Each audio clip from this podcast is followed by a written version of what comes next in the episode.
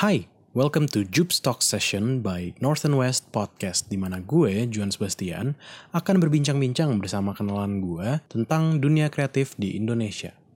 Sesi ini akan menjadi sebuah sarana untuk bertukar sudut pandang antara orang awam dengan praktisi kreatif ataupun bahkan antar sesama praktisi kreatif. Semoga kalian yang mendengarkan bisa mendapatkan satu atau dua hal yang bisa dipelajari dari sesi ini.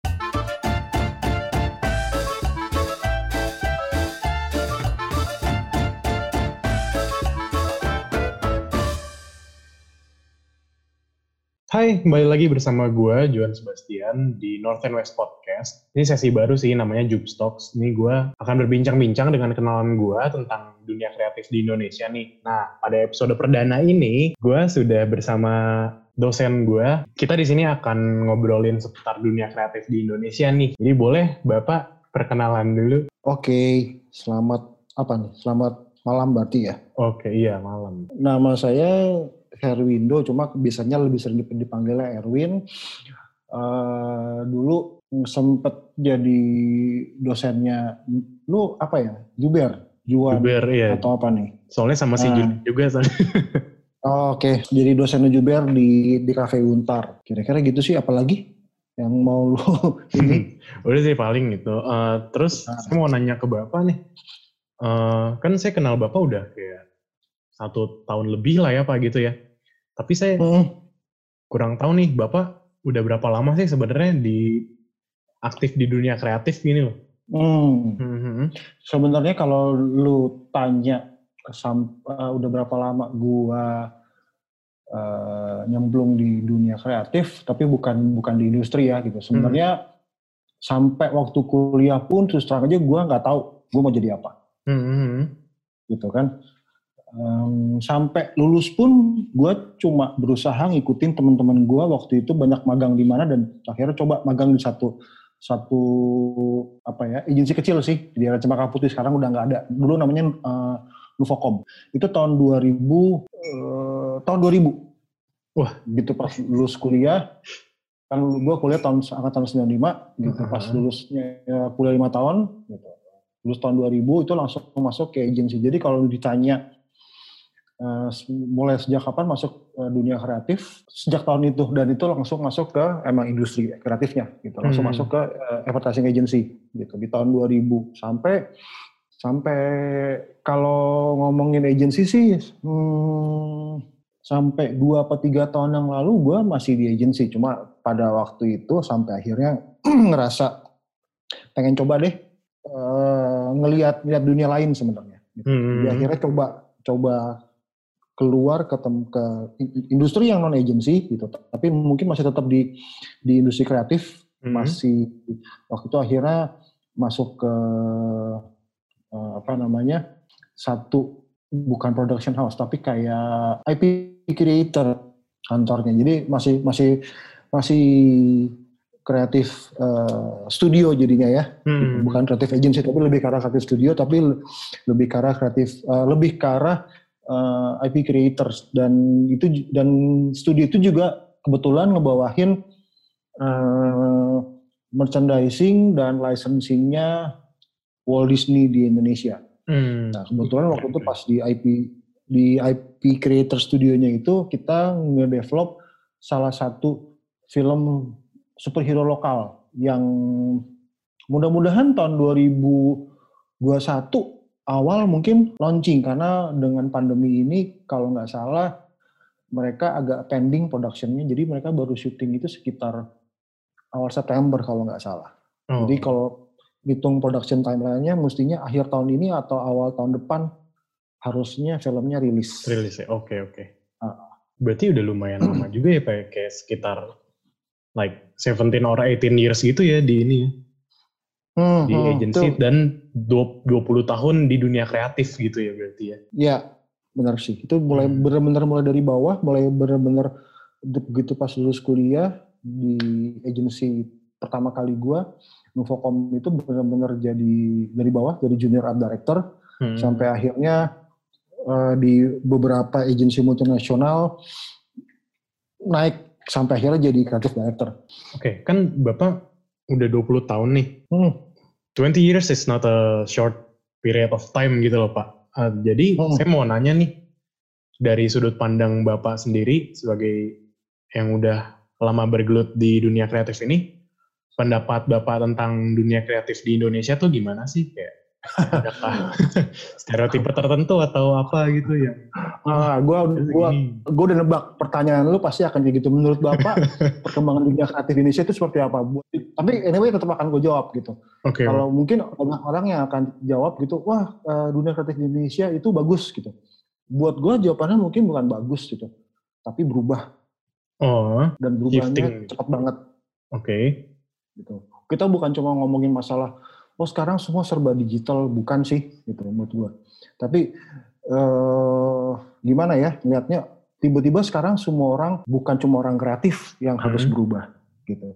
Bahkan orang biasa pun orang yang bukan kerja di dunia kreatif orang yang benar-benar orang biasa deh gitu. Kita kita hmm. istilahnya ya gitu. Orang awam gitu ya lu, orang awam gitu. Lo harus kreatif kalau enggak lo nggak bisa bertahan di dunia yang sekarang uh, pandemik di mana-mana. Hmm. kalau lo nggak nggak berubah cepet, lo nggak kreatif, lo nggak cepet cari solusinya, gimana bisa lo bertahan, gitu kan? Jadi makanya tadi gue bilang bukan jawabannya jadi bukan gimana uh, kreatif di Indonesia, jawaban gue kayak gitu. Hmm, berubah, ya, berubah ya pak. Berubah banget. Walaupun orang awam pun, tapi mereka harus tahu gitu ya kalau the world is changing and mereka butuh ini ya, butuh butuh ya ikut berubah juga untuk adaptif gitu ya pak. Hmm. Hmm. Bener bener, setuju. But in a way gitu, susah nggak sih Pak bertahan 20 tahun di dunia kreatif ini? Saya, saya denger 20 tahun aja tuh kayak, buset, gue magang tiga bulan aja tuh kayak mau. uh, dibilang susah, nggak juga sih. Tapi dibilang nggak juga susah gitu. Karena hmm. lu akan ngalamin banyak hal kan gitu. Sama kayak hidup aja, lu pasti akan ngalamin ups and downs. Lu pasti akan ngalamin uh, suka apa nggak suka. Lu akan ngalamin jenuh sama ketika lu akan ngalamin juga uh, kayak lu lagi seneng-senengnya gitu sama satu satu time period gitu hmm. gitu kan jadi uh, apa ya bener-bener lot of ups and downs sih dan itu yang bikin menurut gue itu yang bikin orang-orang yang kerja di industri itu gitu jadi matang nggak cuma matang secara pemikiran kreatifnya gitu tapi hmm. juga secara karakter Oke, okay, tetap bertahan gitu kan. Eh, gitu ya. Mental mentalnya digembleng juga sih Pak gitu ya. Uh, apa ya gitu. Gua nggak yakin orang-orang yang yang let's say misalnya dia udah bisa kerja di, di industri kreatif hmm. di atas 10 tahun lah gitu misalnya di atas 10 tahun, di atas 15 tahun terus mereka career path-nya mulus gitu. Bullshit, gua nggak yakin.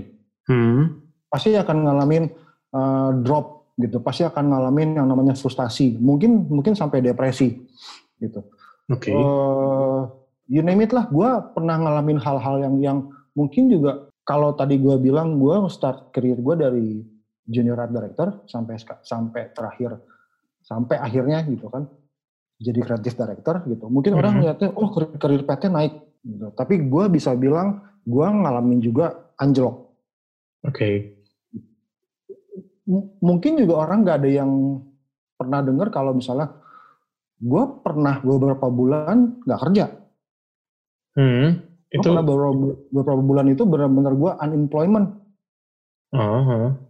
Gitu dan buat gue itu masa-masa yang apa ya uh, yang tadi gue bilang gitu depresi gitu karena gue tiba-tiba jadi nyalahin orang lain gitu gue kayak begini karena kesalahan orang lain gitu. Tapi hmm. in way gitu pas ah, harus dilewati dan gue jadinya bisa introspeksi diri sebenarnya kenapa harus nunjuk orang lain? Kenapa lo nggak introspeksi ke diri lo sendiri? Hmm. Orang lain bisa begitu kan pasti ada sebabnya dan sebabnya juga nggak mungkin karena murni orang lain, pasti karena diri sendiri juga. Hmm. Jadi right. 20 tahun bukan bukan bukan career path-nya naik mulus, enggak, enggak. Banyak banget hal yang uh, jatuh bangun lah gitu. Terus hmm. yang bukan sikut kiri sikut kanan ya, tapi yeah. lebih lebih ke arah uh, gimana sih? Gitu. Nah, akhirnya mental lu bener-bener uh, ya kita baru, baru baru bisa bilang mentalnya jadi. Hmm, oke okay, oke. Okay. Nah, 20 tahun kan banyak rintangan tuh Pak, kayak yang tadi Bapak bilang kan untuk mentalnya bisa jadi ya we have to face with the hurdles gitu kan. Hmm. Kira-kira nih apa sih uh, what's your worst failure gitu Pak? Kayak of course kan kayak Bapak bilang 20 tahun itu bekerja nggak mungkin kayak every pitch is a successful pitch, every every design is a successful design gitu kayak. Hmm. Apa sih yang bagi Bapak tuh kayaknya wah harusnya ini ya kayak mungkin ada penyesalan atau gimana di dunia ini gitu atau Enggak, kalau dibilang nyesel enggak karena yang bikin gua seperti ini hari ini Hmm. yang yang bisa uh, bikin gua berdiri hari ini seperti ini dan segala dan dengan segala segala uh, kelebihan dan kekurangannya Hmm. ya masa-masa itu gitu Hmm. kan. Jadi kalau gue bilang ada yang bisa gue sesalin enggak gitu. Hmm, emang proses yang mesti harus dijalanin Hmm. dan itu whether you like it or not gitu emang lu harus lu jalanin dan nggak perlu disesalin sih Oke. karena kalau lu sesalin artinya kan lu nyelesain lu menyesalkan ap, diri lu yang sekarang Hmm. gitu kan ya kalau menurut gua ya embrace soalnya kalau nggak begitu lu akhirnya lu nggak bisa terima diri lu yang sekarang juga Hmm. dengan segala kekurangan dan kelebihannya Berarti lebih ke how we deal with failure-nya emang harus embrace ya Pak ya gitu ya. hmm, hmm, karena kalau lu ngomongin jadi orang kreatif artinya kan lu harus open mind gitu kan lu Hmm. harus open your eyes open mind open your heart gitu lu nggak bisa kekeh dengan pendirian lu sendiri gitu ketika lu kerja di satu satu tim kreatif gitu kan banyak banyak kepala banyak orang yang yang punya andil di situ Hmm. kita belum kita belum ngomongin klien ya gitu. Hmm. artinya kan kita nggak bisa ngomongin egonya kita gitu kita nggak bisa ngomongin menurut gue yang terbaik kayak begini menurut gue ide yang terbaik itu kayak begini bisa lu siapa Hmm. apalagi kalau misalnya level kita masih masih staff kayak art director gitu kan kita akan berdepan dengan orang yang jauh lebih senior let's say group headnya atau creative directornya atau dari orang-orang accountnya account director atau strategy planner gitu yang mereka which is jauh lebih senior pengalaman pengalamannya jauh lebih banyak Hmm. gitu. Jadi emang attitude-nya akhirnya harusnya emang kita nggak bisa eh, maksain apa yang kita mau gitu. Dan itu kan akhirnya kita harus bisa ngelihat dunia luar orang lain gitu pendapatnya apa ya udah embrace. Kita nggak bisa bilang wah ide lu jelek gitu. Mungkin mereka juga akan ngomong hal yang sama ketika kita ngomongin idenya kita mereka pasti akan ngomongin wah ide lu jelek juga. Kan masing-masing orang punya punya hidup sendiri, punya gaya hidup sendiri, punya lingkungan sendiri, punya komunitas sendiri. Gimana caranya mereka terinfluence dengan komunitasnya mereka, gitu kan. Jadi menurut mereka mungkin emang itu yang terbaik apa yang dari apa yang mereka punya, Hmm. gitu. Karena emang lingkungannya seperti itu. Gitu. Kita nggak bisa ngejudge, oh ide lu jelek, gitu. Makanya kalau Hmm. dulu gue selalu ngomongnya bukan ide lu jelek atau bagus sih, gitu. Tapi ide lu menjawab brief atau enggak. Oh iya iya, make sense. Nah, kalau ide lu ngejawab brief, ya udah, yuk kita tajemin kah bolongnya di mana gitu. Tapi kalau ide lu ngejawab nggak nggak ngejawab brief gitu, ya udah gitu. Artinya kan emang harus dengan dengan besar hati orang itu harus terima. Oke, ide lu nggak ngejawab brief. Jadi maaf ya, kita kesampingin dulu. Hmm, hmm, hmm. Tadi kan Bapak bilang nih, kayak gaya hidup, lingkungan, komunitas tuh berpengaruh banget sama uh, orang nih gitu.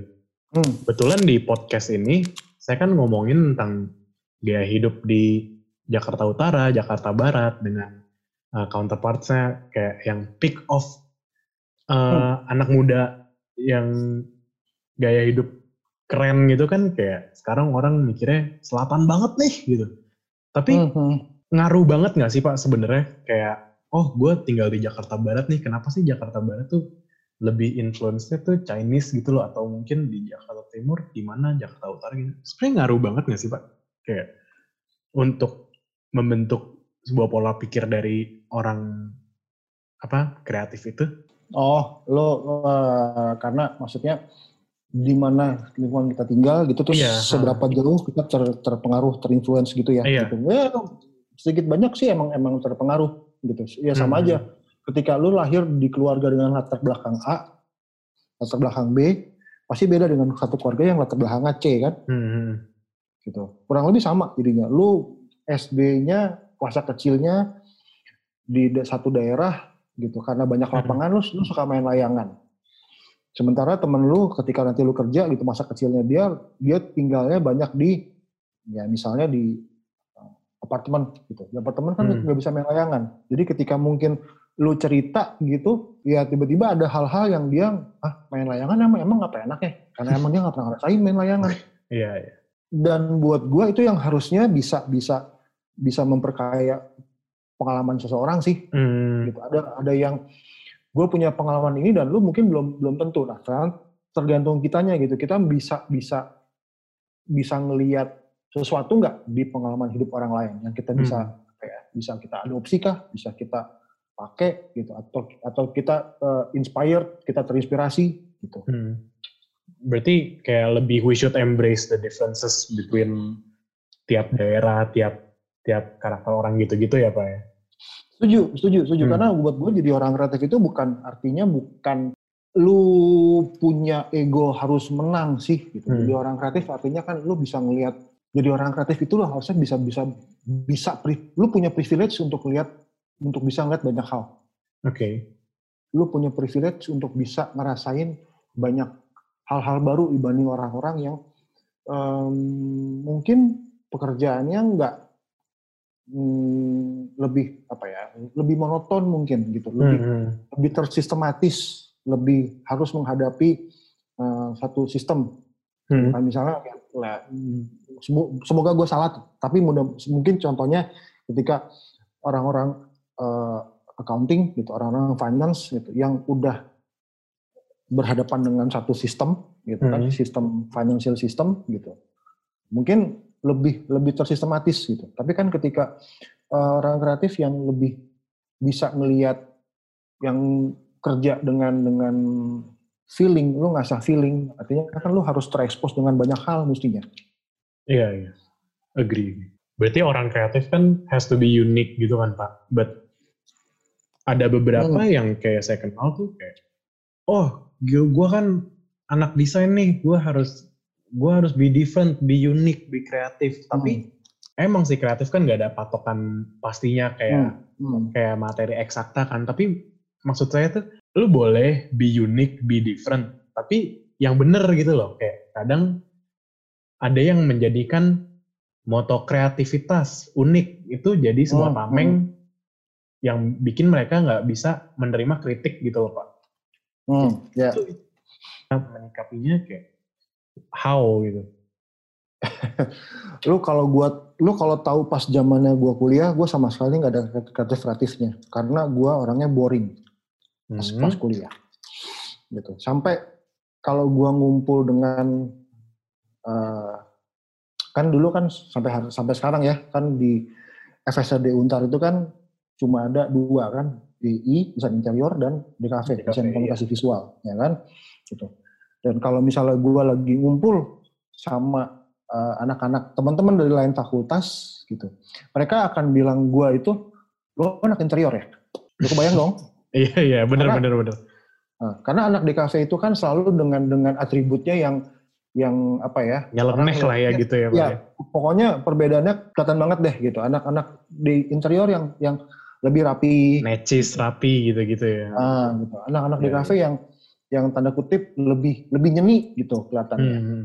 rambutnya gondrong gondrongnya juga bukan gondrong klimis gitu kan terus tiba-tiba jeansnya lebih robek-robek dibanding sama teman-teman yang interior nah gue dulu kayak gitu Oh, oke. jeans gue gue pakai jeans tapi gue rapi jeansnya Aha. gitu gue pakai sneakers tapi sneakers gue nggak belel Hmm. gitu. Gue pakai eh, apa eh, backpack, pakai ransel gitu. Tapi ransel gue bagus, bukan ransel Hmm. yang kanvas yang udah buluk gitu. Enggak, rapi, gue rapi banget. Sampai lu kalau ngeliat gue sampai hari ini bukannya gue juga ngebosenin. Gue selalu pakai outfit putih, sana gue jeans, sepatu gue putih. Bener nggak? Hmm. Iya, iya benar. Gitu kan? Jadi kalau dibilang eh, dari dari penampilannya kayaknya bukan orang kreatif nih gitu. gue juga nggak tahu. Tapi kalau buat gue em, yang dibilang orang kreatif itu kan akhirnya bukan cuma sekedar di outfit sih gitu. Hmm.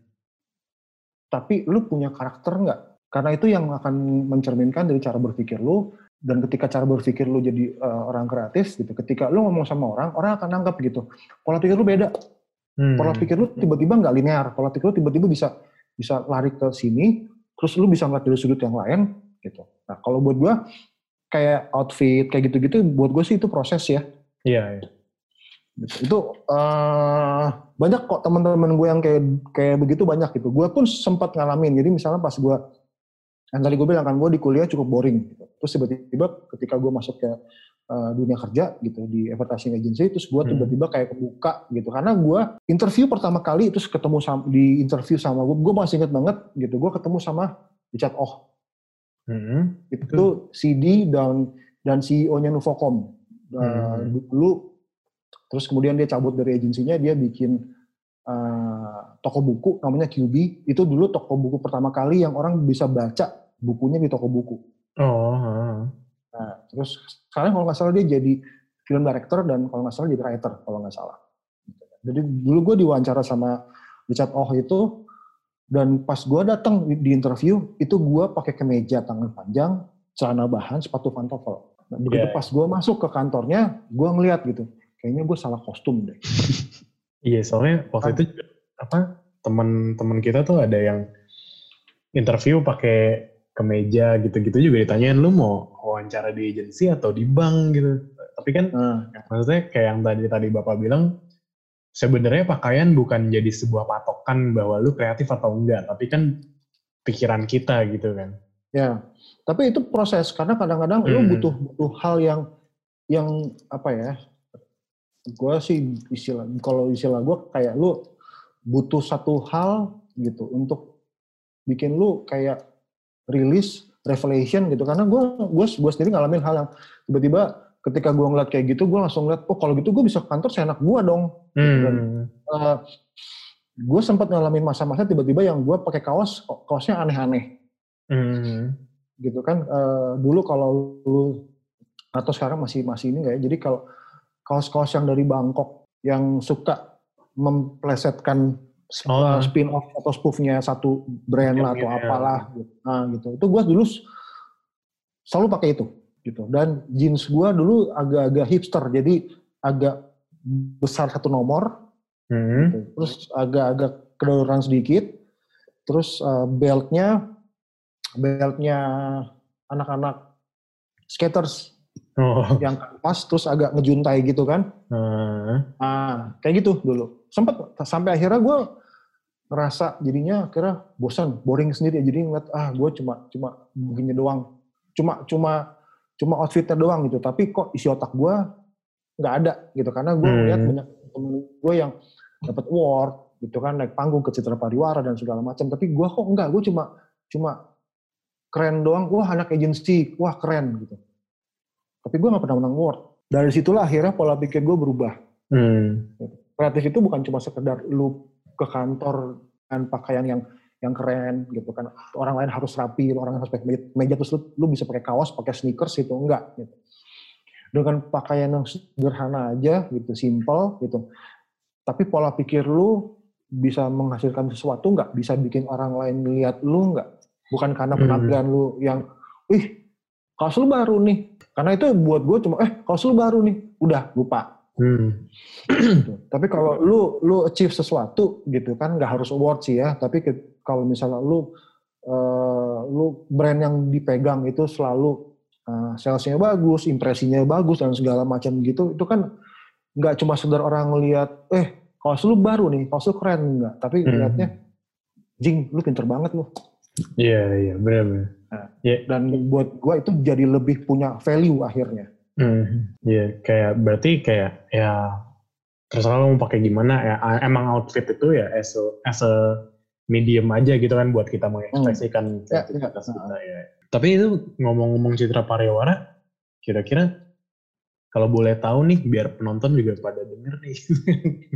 Bapak, Bapak udah berapa oh, awardnya nih kayaknya? Saya dengar-dengar agak banyak gitu. Lupa gue lupa terus terang gitu. Uh, di Citra Pariwara pernah beberapa kali. Terus dulu di lokal Indonesia itu nggak cuma Citra, Citra Pariwara sih ada hmm. lu ada uh, satu majalah gitu namanya Adoy. Dia bikin Adoy Awards gitu. Itu gue juga dapat gitu. Hmm. berapa kali? Lupa gitu. Terus selain Citra Pariwara terus ada Adoy Awards terus ada uh, Pinastika. Oh. Itu juga dapat gitu. Berapa kalinya dan apa aja gue udah lupa ya karena gue udah nggak Hmm. pernah ngitungin lagi udah udah gitu. Sem- eh, diminta jadi juri juga pernah. gitu. Hmm. Terus akhirnya em, di luar negeri pun kayak New York Festival juga pernah. Uh. Lumayan lah buat buat buat ini apa ganjel-ganjel pintu pialanya.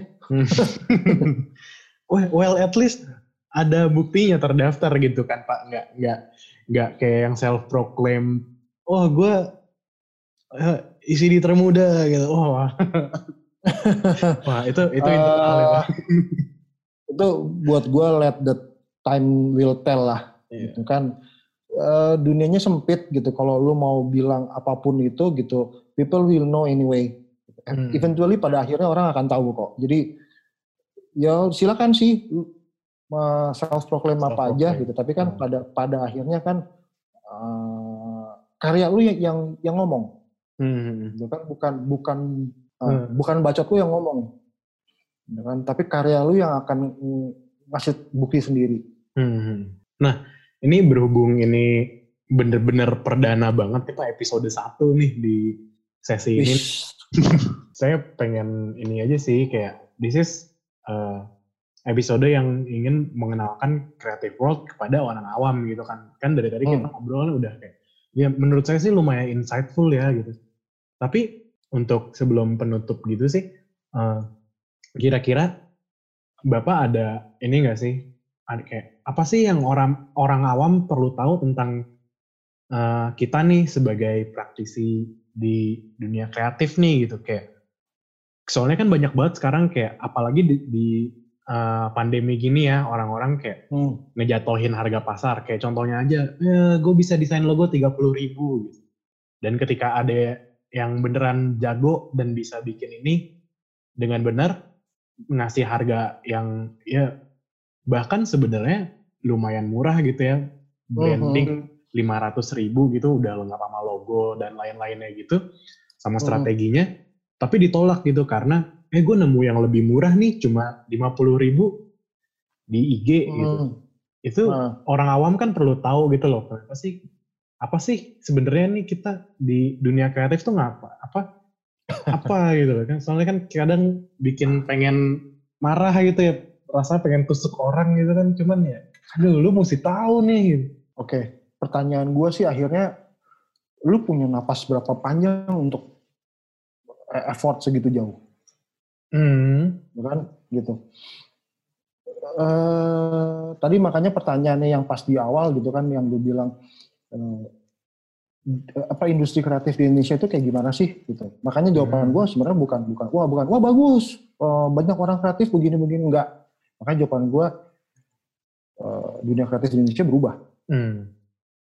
Berubahnya tuh lebih ke yang shifting or or rapid changing gitu sih pakai kayak bukan shifting lagi sih, tapi ini Hmm. buat gua leaping, lompat. constantly evolving gitu Ya, karena kalau lu Hmm. ngomongin eh, logo, tadi tadi lu tanya gitu ya, gitu logo, Hmm. semua orang bisa bikin logo sekarang, Hmm. gitu kan. Template-nya pun ada, Hmm. lu tinggal cari. ada yang kayak ini lagi apa ya AI gitu yang bisa automatically Iya. create visuals gitu. Gitu. Lu mau apa? Jual jasa fotografi. Sekarang siapa sih? Di hari gini siapa sih orang yang nggak bisa foto? Semua handphone punya kamera, kameranya bagus. Hmm. Ya, kita kita Walaupun angle ngomongnya jelek tapi resolusinya keren kan Eh. anjay gitu. Tetap aja Ya, dilirik. dan dan udah ada fasilitas edit kan warna lah, Hmm. kontras dan segala macam filter gitu. Ya, bedanya mau rajin Eh. lihat tutorial atau enggak aja gitu kan. Hmm, gitu. Nah sekarang makanya kan yang yang ngebedain kalau menurut gue ya, gitu. Hmm. Yang ngebedain kan akhirnya kan attitude Hmm. gitu. Karena lu mau mau bilang lu ke orang-orang di, di luar gitu, eh, desain itu mahal, ide itu mahal gitu. Ada yang peduli, mungkin enggak. Gitu. Yang peduli siapa? Ya ya kita kita lagi. Hmm. Cuma orang-orang yang yang so called kreatif aja sih. Hmm. Gitu. Eh, makanya gue bilang, kalaupun misalnya ada ngadepin yang kayak gitu-gitu, gitu, gak perlu ditanggepin juga kali ya. Kan gue pernah ngobrol sama satu teman gue, teman gue bilang gitu, uh, kalau lu arguing sama orang bodoh gitu, Hmm. yang ada lu juga ikut bodoh. Karena lu akan dibawa ke levelnya dia gitu dan lu akan dibodoh-bodohin, dibodoh-bodohin juga. Hmm. Jadi Oh. Lempar berlian ke mulut babi. eh, jadi buat gue, kalaupun misalnya emang ada yang ngejual servis kayak begitu, Hmm. pasti yang make juga ya di situ-situ aja lingkungan. Iya. Kayak kayak ini Kan? sih Pak, yang brand ayam geprek itu. Hmm, kasus kan gitu. Kayak kayak gitulah kadang ya nggak nggak belajar dari ini aja gitu sih menurut saya ya nggak sih kayak Ya, si- simpel ketika lu bilang, oh lagunya murah gitu kan cuma kan udah ada template, ya lu pakai Hmm. aja sekarang nanti begitu pas dua apa tiga tahun setelah logo lu pakai, tiba-tiba lu akan melihat kok ada logo lain mirip sama logo gua ya, Hmm. kan lu pakai template. iya. Eh terus nyalahin. lagi tiba-tiba. Nah, ya gue bilang karma juga gitu kan kalau kita Hmm. ngomongin uh, circle gitu kan, apa yang lu apa yang lu uh, kerjain ya pasti akan balik. Gitu kan. Hmm. Jadi, uh, apa ya orang-orang bilang you pay peanut you get monkey kan Hmm. ya lu cuma bayar segitu terus lu expect uh, lu dapat pekerjaan yang one of the kind Hmm. gitu dan tapi semua uh, pekerjaannya template gitu Iya, iya. ya bisa gitu kan terus tapi makanya gue bilang kita juga nggak perlu marah-marah ya udah biarin aja Karma will work in different ways gitu ya Pak. ya? ya ya ya benar Oke. Alright. Jadi sebelum last nih, saya mau nanya nih. Hmm. So, what's next for you, Pak? wah gue belum tahu Nah, karena gue punya plan tapi uh, begitu pas masa pandemi ini masa pandemi ini plan- plannya pasti akan berubah cepat gitu hmm, kan jadi kalau gue sih ngelihatnya uh, harus bisa berubah juga Oke. gitu karena buat gue kreatif itu jadi attitude gitu kan ngelihatnya ketika gue harus berubah ketika uh, ada satu satu masa berubah gitu kan satu Hmm. keadaan berubah artinya kan gue juga harus bisa respon cepat Hmm. jadi nggak bisa memaksakan tapi plan gue mau kayak begini tapi emang secara kesempatan dan waktu nggak bisa kayak kenapa mesti dipaksain Hmm. Gitu jadi kalau tadi lu tanya what what's next gue bilang gue nggak tahu Hmm. karena yang tadi gue bilang gitu always changing sekarang Iya. hari ini gitu gue gue bisa bilang gue punya plan eh, apa agensi yang gue start sendiri itu akan eh, milestone-nya seperti ini gitu tapi Hmm. ketika besok, ketika gue dapat telepon dari misalnya salah satu uh, future client atau atau klien yang yang bilang oke uh, project kita di hold dulu nih karena begini begini begini, plan gue akan jalan. Hmm, bener-bener. Well, lebih berserah bukan menyerah ya, Pak ya? Ya gitu deh. Sekarang kita kita di di masa yang semua orang harus harus bisa survive. Hmm. Karena untuk bisa survive harusnya gitu kan orang kreatif itu punya again lagi lagi lagi punya privilege gitu karena gue pernah eh, salah satu bekas eh, supervisor gue gitu Hmm. salah satu CEO di kantor gue dia pernah bilang dan sampai hari ini gue masih ingat banget gitu orang kreatif jangan takut nggak makan Wih. Nah, Kalian dengar itu? Para pendengar yang terhormat?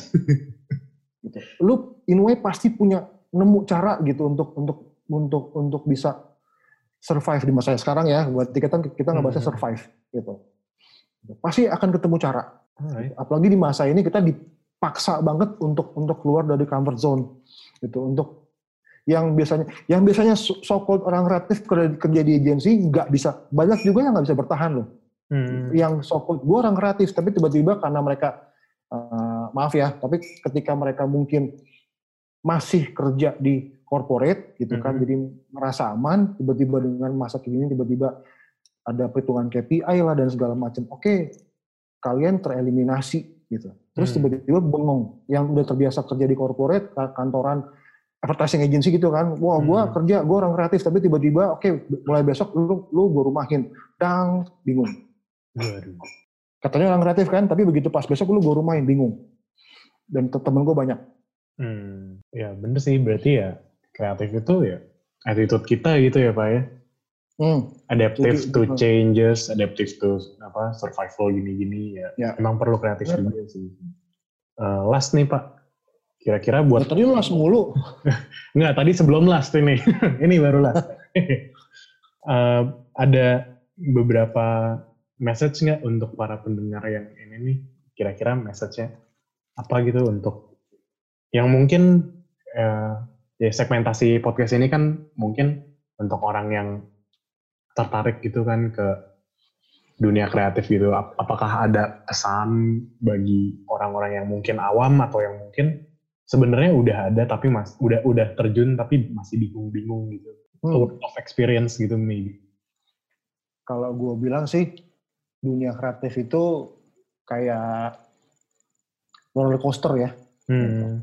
naik turun naik turun tiba-tiba speednya lu turun tiba-tiba lu uh, free fall gitu kan jadi hmm. lu harus fasten your seat belt gitu kan lu harus punya mental yang kuat sih hmm. gitu karena lu mau kerja di agency, lu punya harus punya mental yang kuat. Lu mau jadi freelancer, lu juga tetap harus punya mental yang kuat. Gitu. Gak ada gak ada yang uh, safe way, main aman gitu. Gak gak ada gitu. Karena walaupun lo kerja di kantoran pun di advertising agency, creative studio, uh, film hmm. gitu. Ketika lu udah nggak bisa produktif lagi sebagai orang kreatif, maka uh, supervisornya gitu, headnya akan melihat orang lain yang lebih uh, cepat dan lebih produktif. Hmm. Jadi mau di mana apa pun bidang yang kalian pilih gitu, yang lu pilih, uh, ya udah itu sih kalau gue bilang gitu. Lu benar-benar hidupnya kayak di roller coaster gitu. Sekarang malam ini jam berapa? Jam 8 lewat mungkin lu bisa, ah ambil lapas hari ini enough for today tapi begitu hmm. pas lu besok jam 9 gitu, lu buka email, dang gitu. Anjing, berubah nih ada apa nih? Lu hmm. naik roller coaster lagi. Ya kan? Kita nggak tahu. Iya bener bener bener. World is changing nih soalnya ya. Hmm, bener. Hmm. Oke. Okay. Gitu sih. Hmm.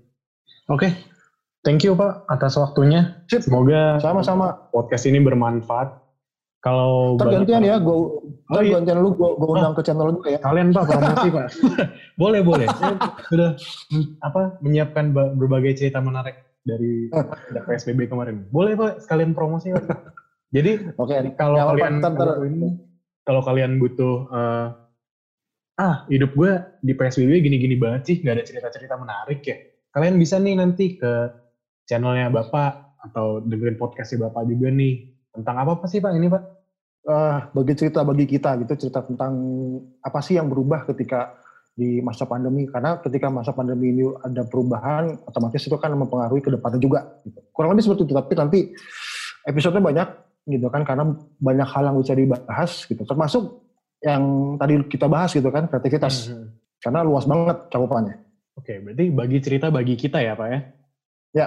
Ya cari aja di instagramnya at bagi cerita bagi kita oke uh, itu aja sih dari Jupstocks episode pertama ini. Bagi kalian yang pendengar yang tertarik untuk uh, kayak topik tentang dunia kreatif nih menarik nih gitu, gue pengen tahu lebih lanjut lagi tenang. Jupstocks ini akan mengundang berbagai macam praktisi kreatif uh, untuk di ya ngobrol-ngobrol bersama gue yang masih bukan siapa-siapa. Oke, okay. sekian dari ini. Terima kasih ya Pak. Sip, thank you, thank you. Stay safe, stay healthy ya. Siap. Sampai bertemu di kesempatan berikut-berikutnya.